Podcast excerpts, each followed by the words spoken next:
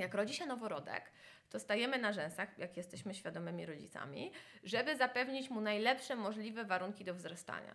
Dlaczego do jasnej cholery, jak mamy lat 20, 30 czy 50, to nagle tracimy tą empatię do samych siebie i zaczynamy spełniać oczekiwania innych. Jesteśmy zwierzętami przestrzennymi, jak wszystko, co żyje na tej planecie. Mhm. Więc nasze otoczenie radykalnie wpływa na to, jacy jesteśmy, jak się czujemy, jak funkcjonujemy. E, I teraz pytanie, czy to, że ja mam tańsze, większe mieszkanie, tam pół godziny czy godzinę drogi od centrum, e, ale wydam na benzynę drugi koszt mojego kredytu, to czy to jest rzeczywiście ten bilans zysków i strat, który chcielibyśmy mieć. E, zaczęliśmy absolutnie romantyzować wieś. Jak to na tej wsi będzie radośnie, zielono i wspaniale, zresztą to wykorzystują deweloperzy, budując kolejne rozlane osiedla na peryferiach dużych miast.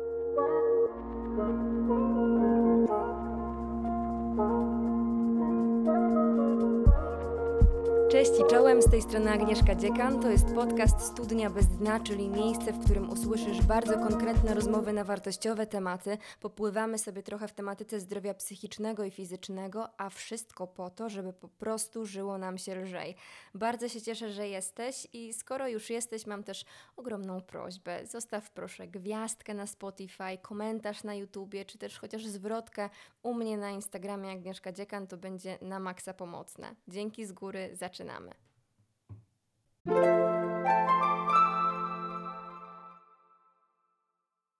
Drodzy, naszą dzisiejszą gościnią będzie dr Joanna Jurga, a dokładnie Jojurga. Nie będę tutaj streszczać czym Asia się zajmuje, z racji tego, że sama o tym za chwilę opowie, ale na pewno powiem, że w tym roku wydała książkę Szałas na hałas, która prawi o tym, jak tworzyć przestrzenie, w których czujemy się dobrze i w których czujemy się bezpiecznie.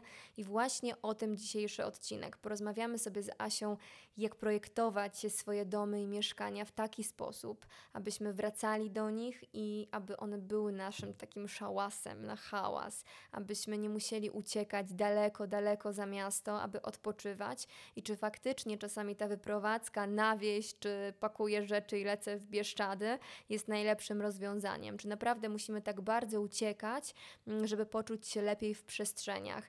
Dużo będziemy rozmawiać o tym, jak ważne jest wyjście na zewnątrz, że oprócz tego samorozwoju, zaglądania do tego, co się dzieje w środku nas, bardzo ważne jest to, abyśmy mm, obserwowali to, co nas otacza, obserwowali i mieli świadomość, jak mocno to na nas wpływa. O tym właśnie między innymi dzisiejszy odcinek. Lecimy.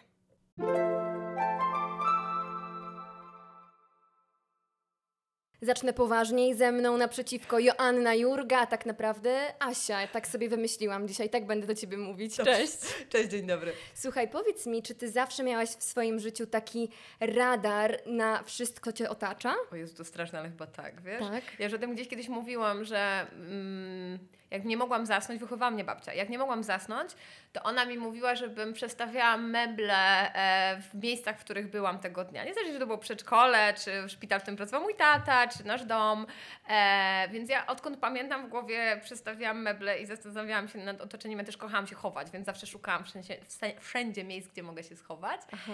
Ale e, rzeczywiście było tak, że ja chyba zawsze miałam radar na przestrzeń. A zadawałaś sobie pytanie, co by było, gdyby? Oczywiście. Do Oczywiście, tej co pory by- to robisz? Do tej pory to robię, znaczy wiesz, no ja chodzę po moim ukochanym mieście stycznym Warszawa i zastanawiam się, co by było, gdyby oblecie białą farbą.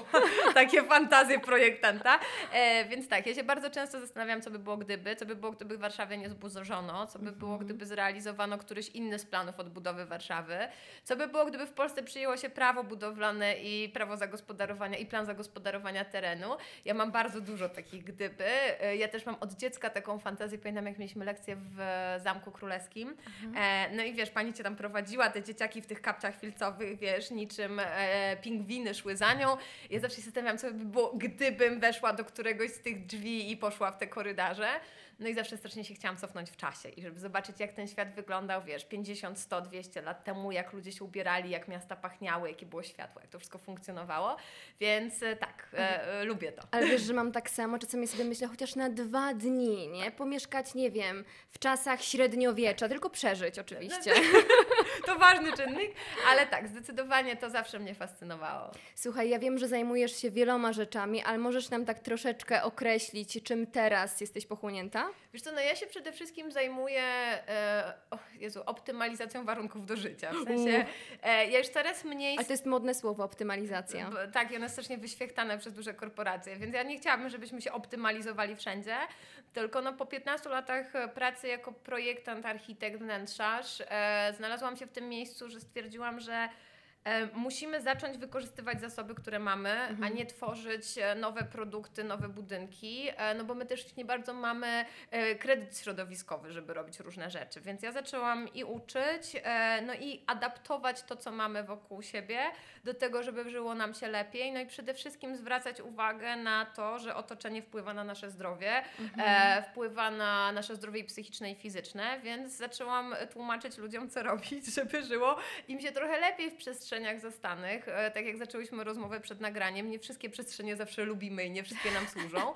Tak. e, więc jak e, często drobnymi krokami, no bo nie każdy z nas może się przeprowadzać co chwilę i nie każdy ma możliwość e, wywrócenia swojego wnętrza do góry nogami, e, no optymalizować znowu te doświadczenia, żebyśmy czy w miejscach, gdzie pracujemy, czy w miejscach, gdzie odpoczywamy, e, mogli rzeczywiście pracować albo odpocząć. Mhm, napisałaś książkę w tym roku Szałas na hałas i to jest książka, która właśnie ma nas przybliżać do tego bezpieczeństwa w przestrzeni.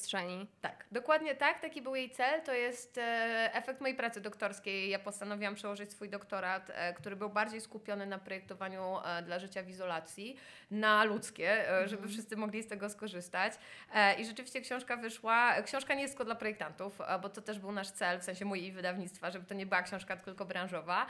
I ona ma cały swój rozdział, taki wręcz poradnikowy, jak, jak zadbać o swoje otoczenie, niezależnie gdzie i jakie ono jest. Więc, e, więc tak, e, jest książka i jest to no, namacalne narzędzie do tego, żeby trochę się nad tym swoim otoczeniem pochylić. No dobra, tak sobie myślę, od czego zacząć, bo wątków jest bardzo dużo i myślę sobie, że. Jakie ty masz zdanie na ten temat? Że dojechało nas trochę to, co my stworzyliśmy, czyli miasto, i wyprowadzamy się na wieś. I myślimy sobie, dobra, ja na tej wsi to będę już oazą spokoju, ucieknę od tych bodźców, bo po prostu duszę się w mieście, Warszawa, Wrocław czy gdziekolwiek mieszkam. Mm, przeprowadzam się na wieś, siedzę i myślę kurde, ale ja wcale tutaj nie czuję się dobrze. What the fuck? Słuchaj, no to, to znowu jest e, o tym, że my rano wstajemy, odpalamy te Instagramy czy inne Facebooki i tam ktoś nam sprzedaje taką perfekcyjną wizję życia.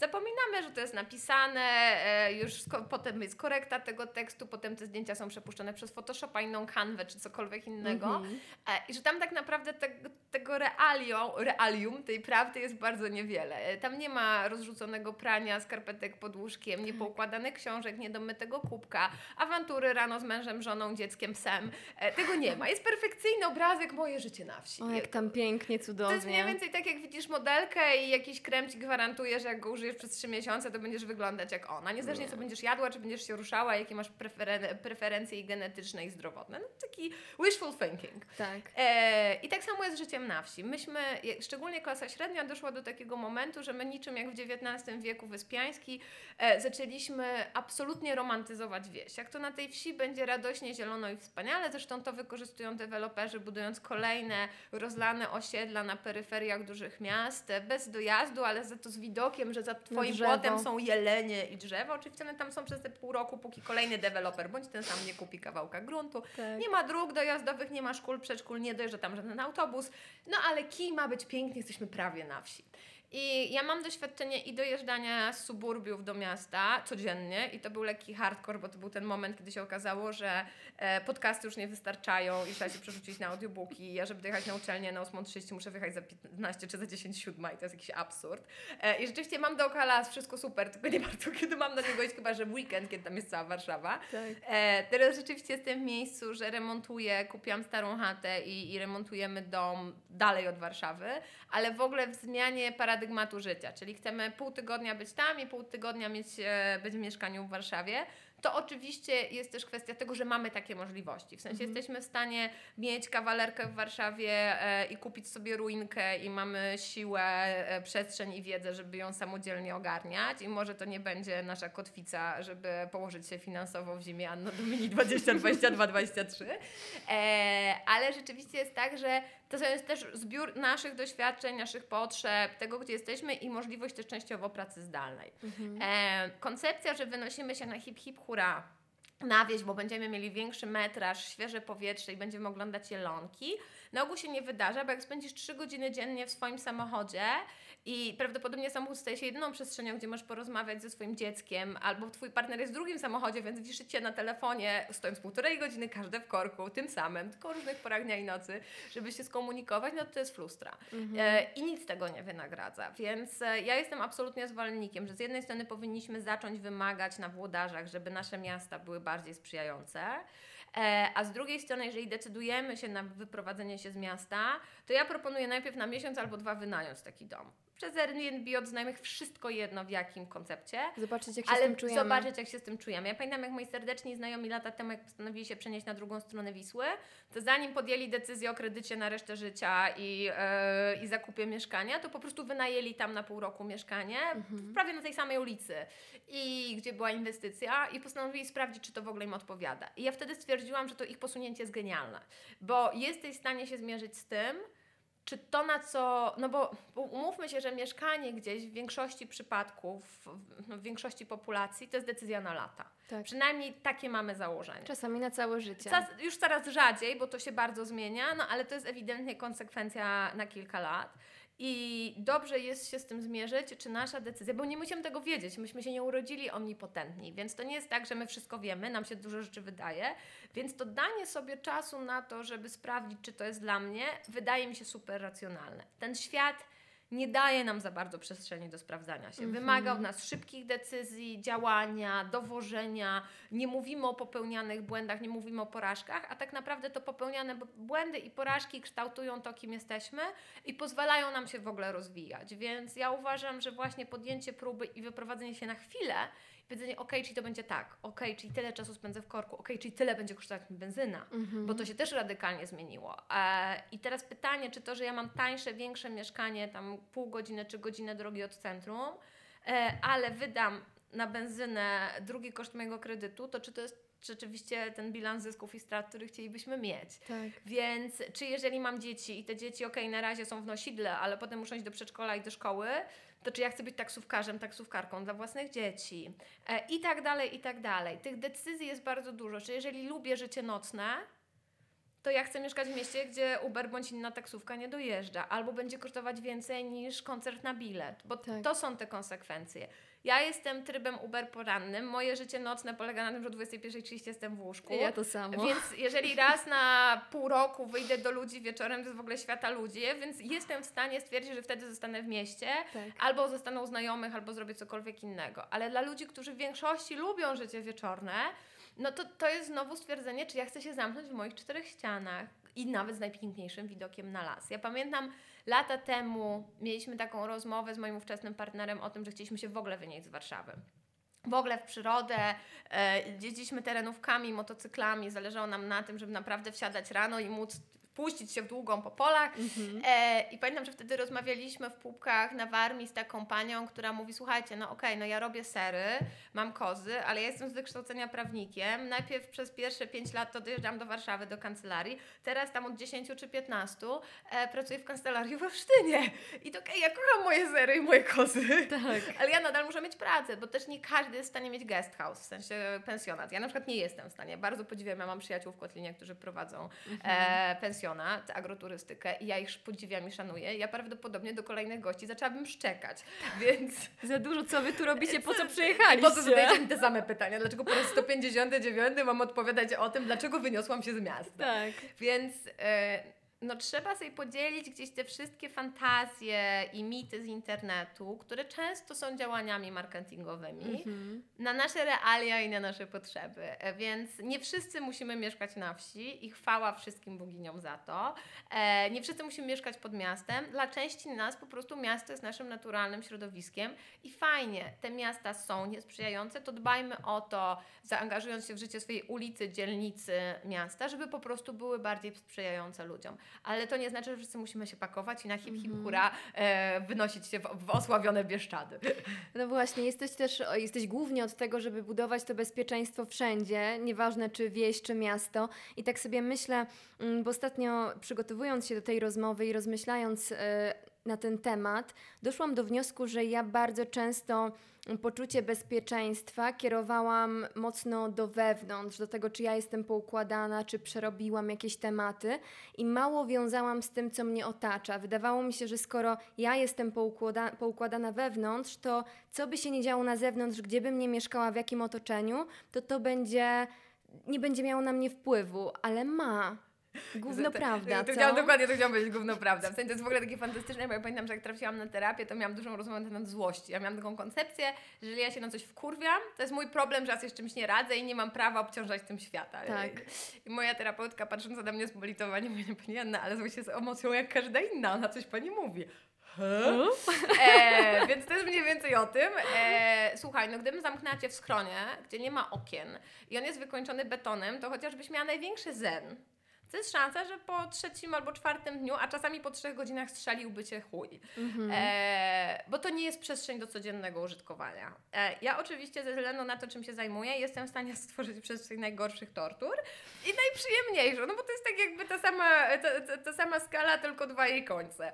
E, ja zawsze uważam, że jeżeli chcesz komuś zrobić krzywdę i tak jak mówisz, to wyobraź sobie, że mieszkasz w centrum handlowym. Ojej. Super, nie? Nawet Ka- jeżeli jesteś poukładana. No, no właśnie o tym mówię, bo powiedziałaś, że jesteś taka poukładana, w ogóle wymedytowana, Znaczy, ja i mój się. oddech, wiesz, staram się, wiesz, no staram się zachowywać absolutny zen. Ja na przykład nie chodzę w te miejsca, znaczy jak muszę wejść do Leroy Merlin w Arkadii, to po prostu przemykam bokiem, wiem gdzie mam zaparkować, wchodzę, wychodzę, nie mam, nie? Tak. E, dla mnie odwiedzenie galerii, znaczy jeżeli ktoś chce się nade mną znęcać, to trzeba by się było zmusić mnie do spotkania się w centrum handlowym, ponieważ sposób zaprojektowania światła, e, wentylacja, e, aroma marketing, temperatura, tam wszystko jest zaprojektowane w ten sposób, żeby wykrzaczyć człowiekowi system nerwowy. Mhm. E, więc e, no nie, to nie jest tak. Jesteśmy zwierzętami wielozmysłowymi, wielowymiarowymi i naszym naturalnym środowiskiem jest otoczenie. Mhm. Więc nie można założyć, że jesteśmy od niego odcięci. My jesteśmy z nim nierozerwalnie związani, no bo jeżeli chcielibyśmy stracić łączność z otoczeniem, to znaczy, że umarliśmy. No tak. Nie ma innej opcji, o czym bardzo często zapominamy. Dlatego ja zawsze mówię, że otoczenie ma znaczenie. Jest ogromna ilość badań, która mówi o tym, jak widok z okna czy sposób wykończenia szpitala, pokoju pacjenta wpływa na okres jego zdrowienia i ilość spożytych leków e, przeciwbólowych. Mhm. To jest najprostszy przykład tego, jak bardzo otoczenie może wpływać na to, jak się czujemy, jak zdrowiejemy. Tak samo jest z naszym otoczeniem. Gdybym kazała Ci spać w garażu, na zimnej posadce, e, bez kołdry, poduszki i całej reszty, jest duża szansa, żebyś się nie wyspała. Możliwe. E, jeżeli położę Cię w zaprojektowanym do tego pomieszczeniu, które nazywa się sypialnią, będziesz miała materac, poduszkę, kołdrę, odpowiednią temperaturę i tak dalej, to jest szansa, że się zdecydowanie lepiej wyśpisz. śpisz. Otoczenie ma radykalne znaczenie. Wszyscy, którzy doświadczyli pracy w źle zaprojektowanym coworku, a umówmy się, znaczy open space, umówmy się, że 90% open space'ów w Polsce jest zaprojektowana niehumanitarnie, wiedzą, że jest to tortura, że umiejętność skupienia się w takim Biurko szumie, na biurku. Biurko na biurku, zaglądanie sobie w ekrany, brak prywatności, hałas, problem z temperaturą, problem z oświetleniem czym dalej od okna itd., itd. przekłada się realnie na jakość naszej pracy. Mhm. Dlatego tak dużo ludzi polubiło pracę z domu, bo oczywiście nie wszyscy, ale duża grupa, bo stwierdziła, że przynajmniej może się skupić. E, więc to są te wszystkie rzeczy, które wpływają na to, jak my się czujemy. I jesteśmy zwierzętami przestrzennymi, jak wszystko, co żyje na tej planecie. Mhm. Więc nasze otoczenie radykalnie wpływa na to, jacy jesteśmy, jak się czujemy, jak funkcjonujemy. Ja bardzo często to mówię na przykładzie snu, no bo my w drugiej dobie bez snu zachowujemy się tak, jakbyśmy mieli półtorej promila alkoholu we krwi. Każda kolejna niedospana noc to jest poziom naszej nerwowości, nieadekwatne reakcje emocjonalne do tego, co się dzieje, em, złośliwość, no bycie mało przyjemnym. I zawsze jak ktoś narzeka na swojego szefa, współpracownika, dziecko, partnera, to mówi, kurczę, a czy ta osoba śpi? A jakie to ma znaczenie? Ja mówię, fundamentalne. Bo może być tak, że w podstawie to jest naprawdę super człowiek. To nie jest wredna, chodząca osoba, która chce ci uprzeszkodzić Tylko życie. po prostu się nie wyspał. Tylko po prostu, jeżeli kolejny tydzień, miesiąc, rok jesteś na niewyspaniu, no to robisz się nieznośny. Więc, Tak. y, a jednym z elementów wyspania się jest środowisko, w którym śpimy. Czy ono jest Mhm. sprzyjające, czy jest niesprzyjające. Więc y, nie można powiedzieć, że można się odciąć od przestrzeni, bo nawet jeżeli będziemy najbardziej oświeceni i wymedytow- wymedytowani, no to otoczenie może nas wywalić w kosmos. No. Powiedziałaś wcześniej o pracy zdalnej, która teraz no, jest nam bardzo, bardzo bliska dla wielu.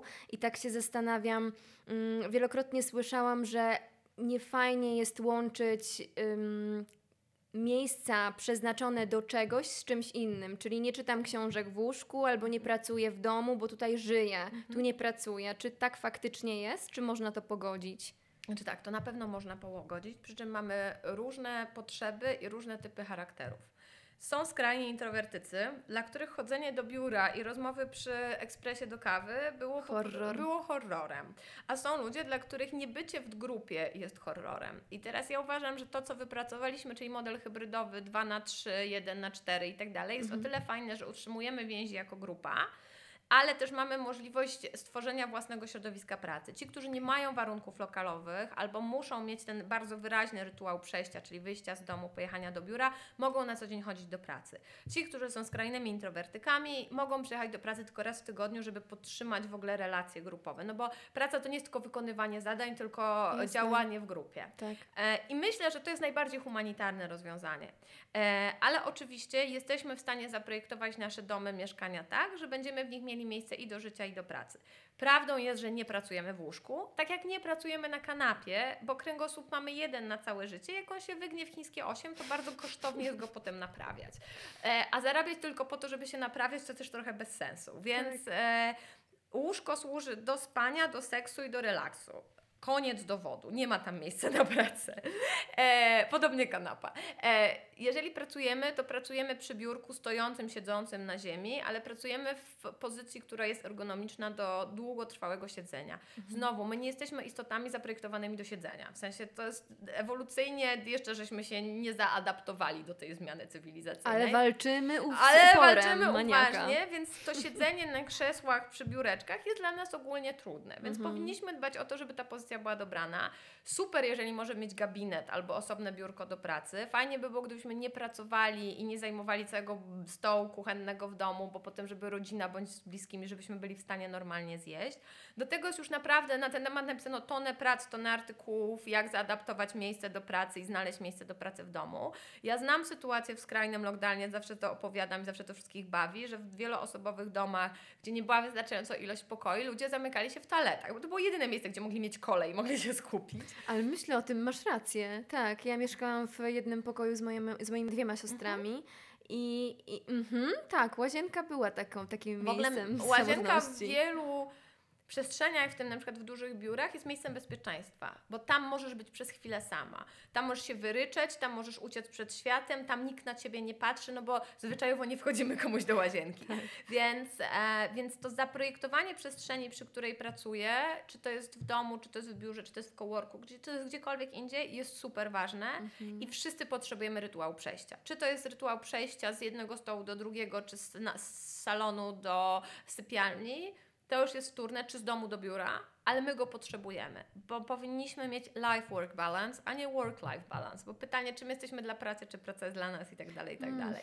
I gdzie jest jej efektywność? No bo też tak jak stwierdziłyśmy przed rozmową, e, bardzo ważne jest to, żeby móc się wykonać swoją pracę skupić, dlatego coraz częściej pracujemy w słuchawkach, nawet jeżeli pracujemy w domu, to próbujemy się jakoś odciąć od środowiska, no bo już wiemy, że ilość powiadomień na telefonie e, i ilość bodźców z zasady nam na maksa nie służy.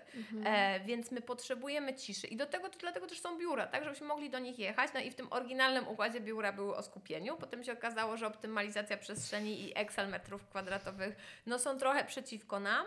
Teraz jest tyle fajnie, że dużo ludzi na co dzień do tych biur nie, nie wróciło, jeśli nie musiało, więc można w nich swoją przestrzeń znaleźć. Ale rytuał przejścia i powiedzenia to jest praca, a to nie jest praca, jest super istotny. Okej. Piszesz w swojej książce i mówisz bardzo dużo o designie synestatycznym, nie pomyliłam Nie. nic. I to jest też bardzo ciekawe ujęcie tego, jak my od, powinniśmy odbierać tą rzeczywistość, w której żyjemy. Tak, znaczy, no bo znowu, e, kontynuując wątek tego, że jesteśmy istotami wielozmysłowymi, no to nasz odbiór świata nie polega tylko na wzroku, wbrew pozorom. Oczywiście Ale teraz jest też y, moda na estetykę, prawda? Jeżeli Znaczy- projektujemy to minimalizm, ma być wszystko ładne, takie wiesz, no, mamy No i to jest trochę to. rozmowa o tym, w jakiej bańce żyjemy, Tak. bo jakbyś zrobiła przegląd sklepów, to by się okazało, że te wartości estetyczne są znowu bardzo określone pod grupę docelową. No to Więc prawda. e, to nie jest tak, że, wszystko jest estetyzowane. Mhm. Mamy jakąś, znaczy teraz jest nadużywane słowo design, wszystko jest designerskie. Tak. Mnie strasznie mnie to bawi, e, bo połowa tych rzeczy nie stała nawet wokół, w obo, obok projektowania, już nie mówiąc o tym, co byśmy nazwali jako takie, bo czym jest design? Design jest No właśnie. poprawieniem jakości życia za pomocą usług albo obiektów. E, Okej. a dopiero, no bo my się przede wszystkim uczymy ergonomii, funkcjonalności, optymalizacji linii produkcyjnych, materiałoznawstwa, służenia człowiekowi. Mhm. Powiedzenie, że jeżeli ja czemuś zmienię kolor, to ja to wydesignowałem, to w ogóle jest jakiś błąd logiczny.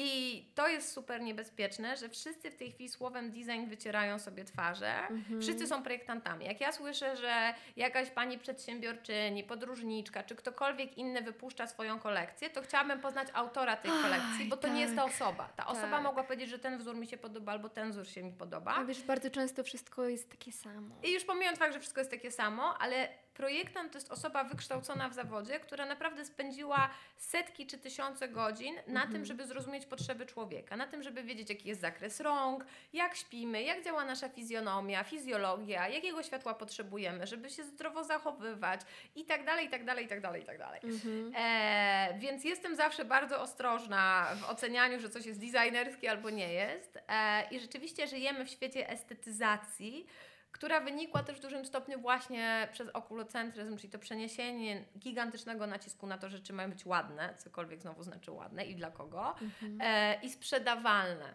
E, miernikiem naszego świata jest klikalność i sprzedawalność. I znowu to jest kwestia tego, że jeżeli ja się decyduję coś kupić i sprzedaje mi to jakiś obrazek, ja nawet nie mam opcji tego pomacać, bo większość sklepów stacjonarnych już nie istnieje. E, I ja to widzę na, na przestrzeni swojej pracy zawodowej, że kiedyś się jeździło z ludźmi do sklepu, teraz jeżeli pojadę z nimi do sklepu, to dostanę katalogi. No tak, markom się to nie opłaca. Marka się, marką się to nie opłaca, więc bardzo często kupujemy kota w worku, co jest trudne, też trudne właśnie sensorycznie, czyli zmysłowo.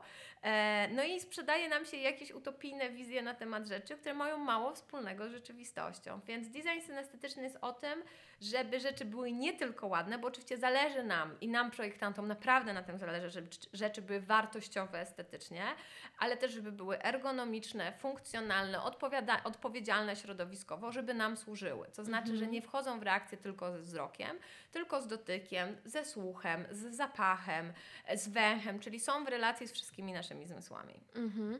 Więc jak zaprojektować takie mieszkanie, żeby ono było naprawdę cozy, naprawdę fajne, naprawdę stworzyło nam taki azyl, do którego chcemy wracać? No i to jest pytanie, które każdy z nas musi sobie zadać osobno, bo są wytyczne. To zależy.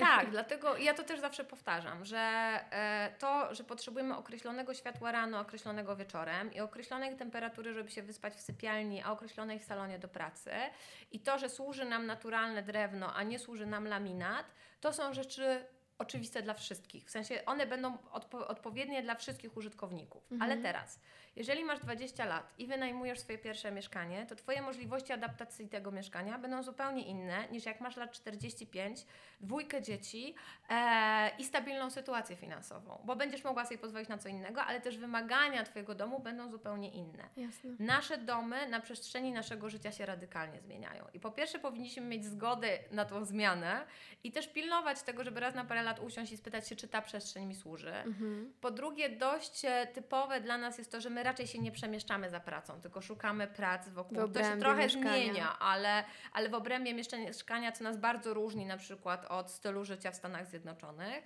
E, I bardzo rzadko robimy ten check. Okej, gdzie ja jestem, czego potrzebuję? Może się rozstałam, może e, odszedł mój pies, albo właśnie może mam psa, albo może jestem w ciąży, albo wiesz, zaczynam studia, albo jestem seniorem, seniorką i potrzebuję przebudować moją łazienkę, żebym samodzielnie mógł, mogła wziąć prysznic? I tak dalej, i tak dalej. To są rzeczy, które powinny być dyskutowane indywidualnie. Bo teraz tak, możesz kochać styl Marty Stewart, dla których większości ludzi określi go jako cozy e, i będą tam kwiatki, e, kratki, wszystko będzie bardzo milusie m, i tak dalej. No ale możesz go wykończyć zamiennikami z poliestru, laminatu e, i tanich materiałów. I nawet jeżeli Photoshop czy filtr na Instagramie dodać ciepłe światło i to będzie super wyglądać, to do życia to będzie straszne. Ale możesz mieć super minimalistyczne wnętrze, gdzie jeżeli użyjesz prawdziwego drewna, matowych farb, lnu i bawełny i ciepłego światła, to Mhm. ono będzie super przytulne. Bo to, czy coś jest przytulne, to jest kwestia materiałów i oświetlenia, a nie stylu. I teraz tak, nie ma, nie, to nie jest tak, że Marta, Marta Stewart jest lepsza niż, e, niż minimalizm. Każdy z tych styli odpowiada naszej osobowości. Nasze domy nie są do tego, żeby komuś imponować. Nasze Mhm. domy nie są do tego, żeby podobały się naszym sąsiadom. Nasze domy nie są do tego, żeby być w gazetach. Nasze domy są o nas. Mają nam służyć, naszemu stylowi pracy, naszemu stylowi wypoczynku i temu, co dla nas jest ważne. Jak ja słyszę, że chcę mieszkać jak u sąsiada, to mnie chuj strzela. Bo ja nie przyszłam projektować domu dla sąsiada, tylko przyszłam projektować dom dla pana, pani Iksińskiej. Więc e, no to jest zawsze bardzo długa dyskusja e, i to jest bardzo ciekawe, jak ludzie często już w bardzo, bardzo mocno średnim wieku Mhm. zaczynają się zastanawiać, kurczę, to ja wiem, czemu ja nie lubiłem swojego domu, albo ja wiem, czemu moje ostatnie mieszkanie mi nie służyło, albo wiem, czemu coś mnie wkurzało, bo to nie były rzeczy zrobione dla siebie, to były Tak. rzeczy zrobione, żeby przypodobać się teściowej, to były rzeczy, bo je dostaliśmy w spadku, przy czym ja absolutnie jestem za recyklingiem mebli i za kupowaniem używki, bo to nie zupełnie... jesteś. Jestem, jestem, Jesteś. absolutnie. Mhm. Wykorzystujmy rzeczy, które są wyprodukowane, bo nas środowiskowo nie stać na produkowanie nowych. Tylko róbmy to mądrze. Ja jak szukam teraz nowej kanapy do naszego wiejskiego domu, to też siedzę na Eliksie. Tylko wywalam wszystko, co mi się nie podoba. Biorę, wybieram tylko z tego, co wiem, że będzie mi się podobać, bo mam tam odpoczywać. To jest dom też do odpoczynku. Mhm. Więc wybierajmy mądrze, odmawiajmy. Jeżeli ktoś chce nam coś wepchnąć, bo to jest kredens po prababci, to świetnie, to niech stoi u mamy. Ja nie mam ochoty patrzeć na ten kredens, nie znałam prababci. Wiesz, y, to oczywiście jest też bardzo terapeutyczne, z umiejętności stawiania granic i tak Tak. dalej, i tak dalej. Ale i to jest osobny temat, że większość ludzi dlatego źle mieszka, bo nie zaliczyło w życiu terapii i ma problem Mhm. ze stawianiem granic.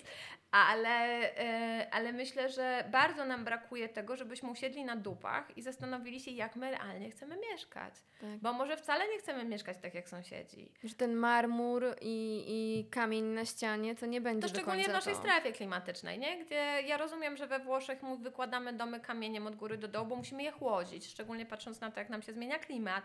Ale mieszkając w Polsce, która no nadal jest chłodniejsza niż cieplejsza, ten marmur położony wszędzie spowoduje, że może nam być troszkę zimno. Mhm. I wizualnie, i dotykowo. Więc no, y, podejmujemy też decyzje, które odnoszą się do środowiska, w którym żyjemy.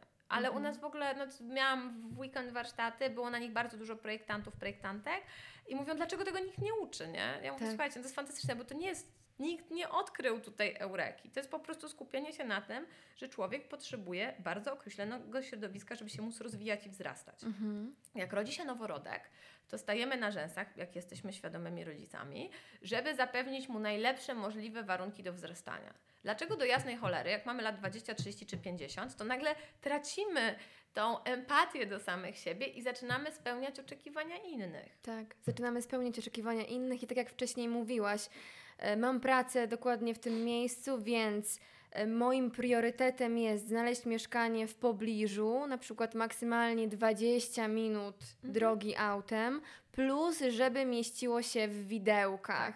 I to jest kropka, a potem żyjesz tam i chcesz spędzać jak najmniej chcesz czasu w, tej, przez w, okno, tej no. otoczeniu, Tak. w, tym, w, tym, w tym otoczeniu.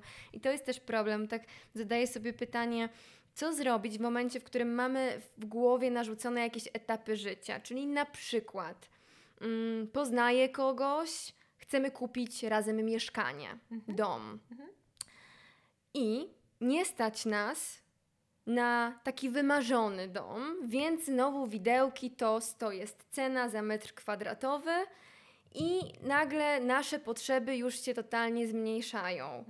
I zadaję sobie pytanie, czy naprawdę musimy kupować to mieszkanie na siłę, wiedząc, że ono nie będzie nam odpowiadać, i przeczekać ten czas i wynajmować, czy cokolwiek innego zrobić. Wiesz o co mi chodzi? Nie wpychać się w miejsce, którym kurczę nie chcemy być, ale no nic nam po- nie pozostało więcej. Znaczy, wiesz co, trochę o tym fajnie mówi Gen Z, w sensie generacja Z, którą ja naprawdę bardzo szanuję w wielu miejscach.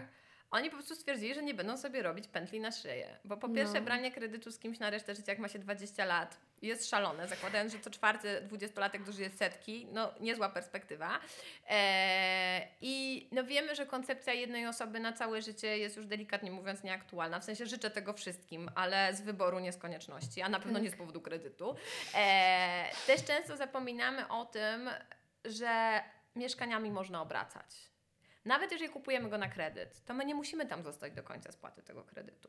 Więc znowu usiadłam na spokojnie na dupie i zastanowiła się, co nam służy. Czy ta pętla na gardle jest nam na kolejne 10, 20, 30 lat potrzebna? Może fajniej jest powynajmować mieszkania w różnych miejscach i zobaczyć, czego chcemy. Bo to, czy te dwa koła, ja kocham tą teorię, że no, bo przynajmniej będziesz spłacać własne. Tak, tak. No tak, tylko że jeżeli ja komuś płacę za wynajem, to po pierwsze mam wolność, po drugie mogę dobierać koszt wynajmu do nasz, mojej aktualnej sytuacji Tak. życiowej, czyli mam możliwość elastyczności. Tak, i mieszkanie, które bardziej z Tobą rezonu, rezonuje, a I nie mam mniej. też, no wiesz, no jeżeli komuś płacę za wynajem, to też płacę mu za zużycie tego mieszkania, no bo mieszkania też się zużywają. Tak. Więc to nie jest tylko tak, że my komuś napełniamy kiesę i sami jesteśmy stratni. To jest, jest taka w Polsce retoryka, ja jestem od niej bardzo daleka. E, nikt nie mówi, że dowodem sukcesu i miarą sukcesu jest posiadanie własnego mieszkania. To jest bullshit. Mm. Dowodem sukcesu i miarą sukcesu jest życie w zgodzie ze sobą. Cała reszta jest wymysłem e, różnych osób, które chcą nam mówić, jak żyć. Ja nie mam na to zgody. E, więc wydaje mi się, że jeżeli ktoś rzeczywiście ma możliwości, ma fantazję, jest osobą raczej niezmienną w swoich oczekiwaniach, to. To tak, czemu nie? Wszystko jest dla ludzi. Kredyty też są dla ludzi. Tylko znowu z miejsca, że tego chcę i jeżeli biorę kredyt i miałabym go wziąć na 30 lat, to raczej na coś, co rzeczywiście na ten moment spełnia moje potrzeby Mhm. a nie na moment tego, że to jest, wiesz, jakiś półśrodek, bo kompromisy z zasady są zgniłe, Tak. więc i nikomu nie robią dobrze, a może być tak, że jeżeli jeszcze biorę ten kredyt ze swoją drugą połówką i w pewnym momencie życia dojdziemy do wniosku, że jednak nasze drogi idą w dwóch przeciwstawnych kierunkach, to Mhm. ktoś będzie musiał się z tym dalej bujać. E, więc, e, więc tu bym naprawdę próbujmy, macajmy, e, bawmy się, sprawdzajmy, co nam służy, ale koncepcja tego, mam 20 lat, biorę kredyt na mieszkanie, e, no jest odważna. Oczywiście Mhm. do odważnych świat należy, ale jest z miejsca na pewno odważna, a jeżeli to ma być koncepcja tego, że jeszcze biorę na kredyt, znaczy w tej chwili banki w ogóle praktycznie nie dają kredytów, to jest osobna historia, Tak. e, więc może to, może to i lepiej, e, może będzie mniej tragedii z tym związanych finalnie, Prawda. E, ale myślę też o tym, że to powin, powinniśmy dawać sobie czas. I, I to jest chyba najfajniejsze, co można zrobić, żeby w tej kulturze e, takiej nanosekundy i tego, że wszystko jest takie teledyskowe, szybkie i wymaga od ciebie natychmiastowych decyzji, być hola. Mój świat, moje życie. Mhm. Jeżeli ja potrzebuję czasu na podjęcie decyzji, czy to mieszkanie, czy inne, kocham ten tekst agentów nieruchomości, no bo trzy osoby są w kolejce. Tak. To niech sobie będą. Widocznie nie jest to mieszkanie dla mnie. No, a decyzja już Decyzja teraz. już na wczoraj, bo, bo, bo, bo, bo, bo, bo pani Iksińska bierze, to niech Proszę bardzo, niech pan zadzwoni, czy dostała kredyt, nie? Tak. E, więc e, ja bym była bardzo, bardzo na wdechu i na wydechu i na spokojnie. E, naprawdę nie musimy zapierdalać non-topper. W sensie ta nasza fantastyczna kultura zapierdolu nie Mhm. wyszła nam na zdrowie w żadnym miejscu, włącznie z podejmowaniem decyzji. Więc e, szczególnie w wypadku nieruchomości, przestrzeni do życia, długoterminowych zobowiązań, dajmy sobie czas. Okej, wróćmy jeszcze do tych naszych mieszkań i do tego, czy mm, ty masz jakieś swoje mm, założenia na temat tego, jak powinno być na przykład umeblowane to mieszkanie, jak powinny być ustawione meble, jak powinno dokładnie działać oświetlenie. Mówiłaś o ciepłym oświetleniu, ale czy to zawsze to ciepłe oświetlenie będzie tym najlepszym i wszędzie, w każdym pomieszczeniu? Na jakie jeszcze mm, aspekty musimy zwrócić uwagę, żeby po prostu było dobrze? Znaczy tak, e, moi studenci się śmieją ze mnie, że mam spisek żarówkowy i rzeczywiście tak każę ludziom wymieniać żarówki. E, w sypialni powinniśmy mieć najcieplejsze światło na poziomie 2700 kelwinów, czyli jak kupujemy żarówkę, to ten, ta, tam, gdzie strzałeczka jest praktycznie na czerwonym.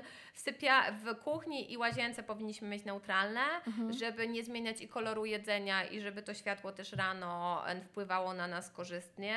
E, W łazience fajnie jest dwie opcje. Jedna opcja taka, która rzeczywiście jest e, neutralna, delikatnie delikatnie może być chłodniejsza, ale neutralna, chłodna, nie zimna. W ogóle wylikwidujemy zimne żarówki w chacie. Mhm. Neutralna, zimna to jest najdalej wysunięta e, skala. Ale zimne są bardzo częste. Ja mam Naprzeciwko mam blok i tak czasami obserwuję Ja też to to. Tak zwane prosektorium, tak. E, Szanuję i bardzo kocham, jak tam są pomarańczowe ściany i meble w kolorze bukowym, tak zwanym meblowym.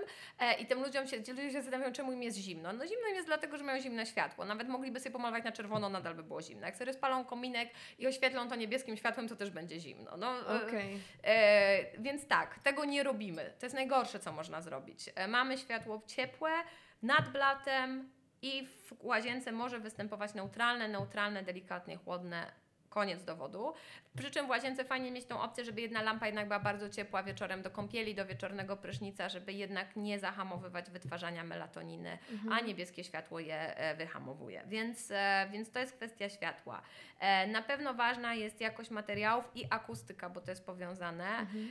że jeżeli żyjemy w domach na otwartych planach, gdzie mamy otwarte kuchnie, gdzie mamy mało drzwi, gdzie są dużo otwarte przestrzenie, to trzeba wprowadzać meble tapicerowane, zasłony, firany, żeby te dźwięki łamać, Mhm. no bo inaczej będzie się niosło bardzo duże echo, co też jest typowe dla współczesnej deweloperki, która Tak. nie jest przyjazna akustyce i to też fajnie słychać, jak na przykład ktoś nad nami ma laminat albo Mhm. panele, że jeżeli chodzi potem w szpilkach albo dzieciaki się bawią drewnianymi klockami, to słychać to dwie kondygnacje do góry i dwie do dołu. To prawda. Więc e, bardzo zwracamy uwagę na akustykę, bo my sobie nawet nie zdajemy sprawy, jak w dużym stopniu hałas odpowiada za nasz poziom kortyzolu, czyli hormonu stresu, e, i jak w ogóle hałas odpowiada na naszą umiejętność koncentracji, e, no, na nasze zdrowie, w tym choroby związane z układem krążenia i tak dalej, i tak dalej. Ale wiesz co więcej, my się przyzwyczajamy do tego i czasami już nawet nie słyszymy, I to jest że jest śmiesznie, bo my nie słyszymy, w sensie na logikę nie słyszymy, ale nasze ciało słyszy, więc Tak. jest cały czas w stanie gotowości. Tak, a nagle jak jesteś w pomieszczeniu, w które jest naprawdę Ci- wyciszone, to masz takie Wow. Tak, więc światło, akustyka, co za tym idzie użyte materiały. Wykorzystujemy e, gamę kolorystyczną, która jest charakterystyczna dla naszego, e, naszej szerokości geograficznej. To jest też to, co ja zawsze powtarzam, że kobalty i karminy wyglądają świetnie w Kenii czy na równiku e, i dużo gorzej u nas, gdzie mamy trupie fioletowe światło przez większość roku. Wprowadzajmy sobie orientalne akcenty, jasne. Jeżeli tylko to lubimy, to jest dla ludzi, tylko nie róbmy pod ten deseń cały dom, bo on po prostu u nas nie będzie działał w świetle, będzie przygnębiający, będzie bury, to, to, to Mhm. się nie uda. E, więc zwracajmy uwagę na materiały, które też są lokalne, no bo to jest i koszt środowiskowy. Czym innym jest ściągnięcie do Polski drewna węgę czy tek, a czym innym wykorzystanie lokalnego dębu, sosny, modrzewia czy, czy, czego, czy jesionu. E, więc starajmy się tak podchodzić do tych wnętrz, żeby, żebyśmy nawet dotykając materiałów, które kupujemy, one nam się podobały nie tylko wizualnie, tylko żebyśmy mieli wrażenie, że chcemy na nich usiąść w bieliźnie, chcemy ich dotknąć bosą stopą, że to są rzeczy, które nam służą. I myślę, że Mhm. wtedy już naprawdę będzie nieźle. Mhm. A powiedz mi, w jakich przestrzeniach ty czujesz się najlepiej? W których jest ci po prostu To jest zawsze bardzo dobre pytanie. Słuchaj, no ja mam ewidentne skrzywienie do japońskiej estetyki pawilonów herbaty. Ja bardzo lubię te kolory, absolutnie kolory ziemi, kolory z glinki, kolory z mattatami, kolory z surowego drewna e, i przełamuję to czernią. W sensie Mhm. ja kocham czerń, ja się tego nie wstydzę e, i to jest absolutnie mój kolor e, i przełamuję go kolorami ziemi. Mm, I to są moje ulubione wnętrza. Gdybym miała je osadzić gdzieś na mapie, to byłoby to gdzieś między daleką Skandynawią a daleką Japonią, taką północną, bo to są rzeczy, które kocham. Ja lubię naturalną architekturę. E, To nie jest tajemnicą, że jakbym się miała gdzieś wynieść, to byłaby to daleka Norwegia, Svalbard, Tromsø i wszystko, co jest za Nawet z tą temperaturą. no ja kocham zimno, więc ja jestem, ja jestem w tej, dla mnie dopiero zaczynają się moje temperatury, więc e, ja jestem, ja kocham śnieg, ja kocham mrozy, tylko mrozy, a nie man, nie wiem co to jest, błoto z nieba, e, więc ja jestem tym trybem, tym typem arktycznym. E, I ja się tam czuję najlepiej. I ja też lubię bardzo, ja też lubię bardzo proste wnętrza, dość surowe. E, znowu o prawdzie materiałowej, o drewnie, Mhm. ale bardzo surowe. No i ja wynajduję starocia. W sensie ja jestem tym typem, nie mam domu pełnego antyków, ale uwielbiam wy- wynajdywać różne stare rzeczy i je e, adaptować tak, żeby działały w nowej przestrzeni. Więc, więc moje wnętrza są moje. E, To jest też śmieszne, bo ja, ja akurat jestem nomadką, ja się bardzo dużo razy w życiu przeprowadzałam. Mm, Część mieszkań było moich, część było wynajętych, e, więc było bardzo te, różne były te układy, ale zawsze znajduję, jak patrzę na zdjęcia, to znajduję ten wspólny, e, wspólny język. No i ja kocham ratować stare budynki. W Warszawie mieszkam w bardzo starej kamienicy, która przetrwała dwie wojny światowe i powstanie. Dla mnie to odkopywanie starego rzemiosła jest bardzo istotne i mam do niego bardzo dużo szacunku, ale absolutnie nie jest to muzeum, mnie w domu chodzi się w butach i ja jestem w Mhm. ogóle z tego trybu, że domy są do używania i Tak. lubię jak na stole są odbite kubki po kawie, w sensie to pokazuje, że ten dom żyje. E, jestem przeci- znaczy przeciwniczką, no, mój dom nie jest muzeum, mój dom jest do życia, jest w nim porządek, bo ja lubię porządek, e, pewnie mój partner by powiedział, że nawet jestem bardzo ortodoksyjnie porządna, e, ale, ale rzeczywiście te domy są do życia, te przedmioty są w relacji z człowiekiem. E, uwielbiam wyciągać, wiesz, stare kryształy czy stare sztućce że to nie jest od święta. Kiedyś, rozumiem, że trzeba było wystać w kolejce, żeby to mieć. Uwielbiam to. Skrzynka pięknej zastawy na święta. Kurwa w szafie, nie? W ogóle wyjmowana raz do roku. E, proszę Państwa, czasy niedoborów mamy za sobą. Ja rozumiem, No. że dzięki temu to przetrwało te pięć pokoleń, ale jeżeli nie będziemy tego używać, to nikt się nie będzie tym cieszył, a to są bardzo piękne obiekty, więc ja jestem z tego, z- zrobiłam tę rewolucję też w domu, że wyciągam te rzeczy, mówię, że Państwo jemy na tym i z tego pijemy kawę, e, więc ja lubię, e, lubię się otaczać też takimi rzeczami. No lubię też e, śmigać po moich projektantach, znajomych projektantach i wynajdować, co oni wyprodukowali, e, bo też kocham wspierać e, no, lokalne, lo, lokalne rzemiosło i lokalną produkcję i mega dopinguję wszystkim markom i czy jak oglądam Dobry Wzór, czy jak oglądam Must Have, czy jak siedzę w którymś jury młodych projektantów, to zawsze mam tak, kurczę, to bym chciała mieć, nie? I czasem piszę potem do projektanta, czy, czy jest szansa w ogóle kupienia, czy to jest tylko Okej. prototyp, bo też uważam, że trzeba się wspierać. No, jeżeli będziemy kupować tylko szklanki, kieliszki, meble w, w, u gigantycznych producentów, to ci na, te nasze małe studia projektowe nie będą miały szansy przetrwać. A bardzo często te rzeczy robione lokalnie są dużo lepszej jakości, rzeczywiście są na lata, e, a nas trochę nie stać na to, żeby co miesiąc czy co rok wymieniać Tak. meble czy zastawę. Więc ja bardzo do tego zachęcam, patrząc na to, jak w Polsce w ogóle urosła cała gałęź wdrożania wokół, e, wokół wzornictwa, to bardzo zachęcam, żeby te rzeczy kupować, znajdować sobie swoich ulubionych projektantów i ich tam dopingować. Idą święta, więc, No pewnie, że tak. w tą stronę. Chyba najlepsze prezenty. Tak, najlepsze, zdecydowanie. A czy ty myślisz, że mm, żeby mieć takie poczucie bezpieczeństwa, trzeba mieć swój dom? Nie. Nie, nie, nie, nie, nie, nie. Ja na przykład przez lata twierdziłam, że muszę mieć samochód, żeby mieć poczucie bezpieczeństwa. Mogę Okej. mieszkać wszędzie, ale muszę mieć samochód. Eee, no bo rzeczywiście mój nomadyzm w pewnym momencie już sięgnął zenitu. Ale wiesz, ten szałas na hałas. To, to mój samochód był przyznaj. Ja pamiętam, jak miałam taki moment, że e, musiałam, znaczy rozpadł się mój poprzedni samochód i miałam taki przestój, jeszcze mieszkałam w Gdańsku, cały czas jeździłam między Gdańskiem a Warszawą i ja miałam przepiękne mieszkanie w Gdańsku. E, sama je urządziłam, nawet miałam w nim kominek, to co kocham najbardziej. Tylko nie miałam samochodu. I w tym momencie zdałam sobie sprawę, kurczę, ja mam w ogóle przeniesiony punkt ciężkości, co jest moim poczuciem bezpieczeństwa, to już było fajne, znaczy bardzo odkrywcze. Tak.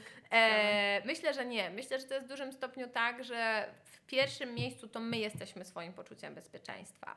E, więc jeżeli jest nam dobrze ze sobą, to jeżeli wybieramy tą drogę bycia w drodze, jedna z najbliższych mi kobiet od wielu lat żyje w drodze i właśnie wyjeżdża na kolejny kontrakt i jej poczucie bezpieczeństwa jest trochę tam, gdzie ona jest. Ona oczywiście ma jakieś rzeczy, które zawsze ze sobą wozi i jak rozstawi te kilka obiektów, to ona czuje, że jest u siebie. I czasami to wystarczy. I to, wy, I to też znam ludzi, dla których to wystarczy. Ja sama byłam w tym miejscu, że przez pewien czas ta moja skrzynka magicznych przedmiotów, która ze mną podróżowała, robiła mi moje poczucie bezpieczeństwa. Śmieję się, że w tym roku jestem w etapie gniazdowania i, i zapuszczania korzonków. Jest też super nowe, bo nigdy w tym miejscu nie byłam. O dziwo nie jestem w ciąży, bo na przychodzi to dziewczyna, jak są w Tak, ciąży, więc tak. bo też pracując z nimi to obserwowałam. E, Nie, nie jestem w ciąży, ale jestem w etapie gniazdowania e, i to jest też super przyjemne, więc ja myślę znowu o tym, że życie składa się z etapów i miejmy na to zgody. Jeżeli na ten moment moim e, bezpieczeństwem jest, nie wiem, samochód e, czy rower, e, czy moim poczuciem bezpieczeństwa jest ta skrzynka magicznych przedmiotów, z którą ze względu na to, że studiuję, pracuję, jeżdżę i, tak dalej, to to mi robi poczucie bezpieczeństwa. Czy mój rytuał picia określonej kawy, czy określonej herbaty, czy moim poczuciem bezpieczeństwa jest właśnie tworzenie domu, bo jestem na tym etapie, to jest super. Nie ma, to nie jest tak, że wszyscy między, wiesz, 20 a 30 mają tak, a między 30 a 40 mają tak. Nie, to tak nie działa. Pracowałam z ludźmi naprawdę od e, późnych nastolatków do późnej emerytury i mamy tak różne potrzeby i tak różne skille w różnym okresie, że róbmy to, co nam bije w serduszku, a nie to, co mówi nam mama, ciocia. Teraz będą święta, więc dużo słyszymy na swój temat. Większość z nas niestety ma tak, że dużo się nasłucha. E, wpuszczajmy lewym, wypuśćmy prawym, powiedzmy tak, ciociu, super, albo tak, wujku, ekstra. To nie o nas. Ale to nie jest o nas, tylko to jest o wizjach tych osób. Więc jeżeli na ten moment samochód, skrzyneczka albo gniazdowanie, co komu służy? Mhm. A myślisz, że w tej dobie szalonego rozwoju i tego, że mam wrażenie, wrażenie że my czasami nie nadążamy nad tymi, za tymi znamiami, samorozwojem, no. Tak. To czy nie zgubiliśmy trochę tej wrażliwości na to, co się dzieje dookoła, na to, co nas otacza, właśnie na te zewnętrzne bodźce? Znaczy, wiesz co, przypomniała mi się taka ilustracja lata temu znaleziona i nie pamiętam, który ilustrator albo ilustratorka to narysowała, ale to był sztos. Było napisane zajebie mnie ten samorozwój. E, Tak. i, e, i, I ja bym to w tabletkach wrzucała ludziom aktualnie do napojów. Tak, on nas zajebie. W sensie super, że zajęliśmy się sobą, ale znowu wszystko powinno być o, o balansie. Tak. I nie musimy co weekend robić kursów rozwojowych. E, czasami fajnie jest dać sobie czas, też czas na absorpcję wiedzy o sobie, którą dostajemy. E, absolutnie uważam, że, przepraszam, absolutnie uważam, że jest tak, że ta przestrzeń zawsze jest. I ona prędzej czy później się o siebie upomni. Mhm. Więc nawet jeżeli na tym moment uważamy, że wciągamy oświecenie nosem, bo już jesteśmy tak wymedytowani, że w ogóle otoczenie mnie nie dotyczy, no to przyjdzie taki moment, że ta przestrzeń nam udowodni, że nas dotyczy. Ale to jest mega narcystyczne.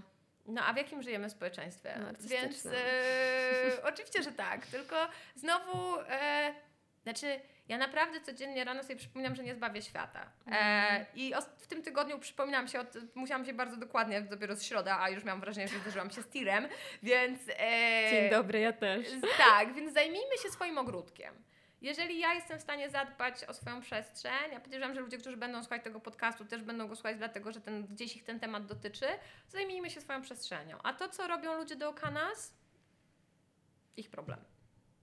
Fajna to była rozmowa. Mam poczucie, że mm, znowu to, co powiedziałam wcześniej, można się zatracić w samorozwoju i nie tylko ten środek jest ważny, jest ogromnie ważny, ale jednak to, co my przyjmujemy, to czym my się otaczamy, ma ogromne znaczenie. Sama wiem po sobie, że są przestrzenie, po których mi się więcej chce.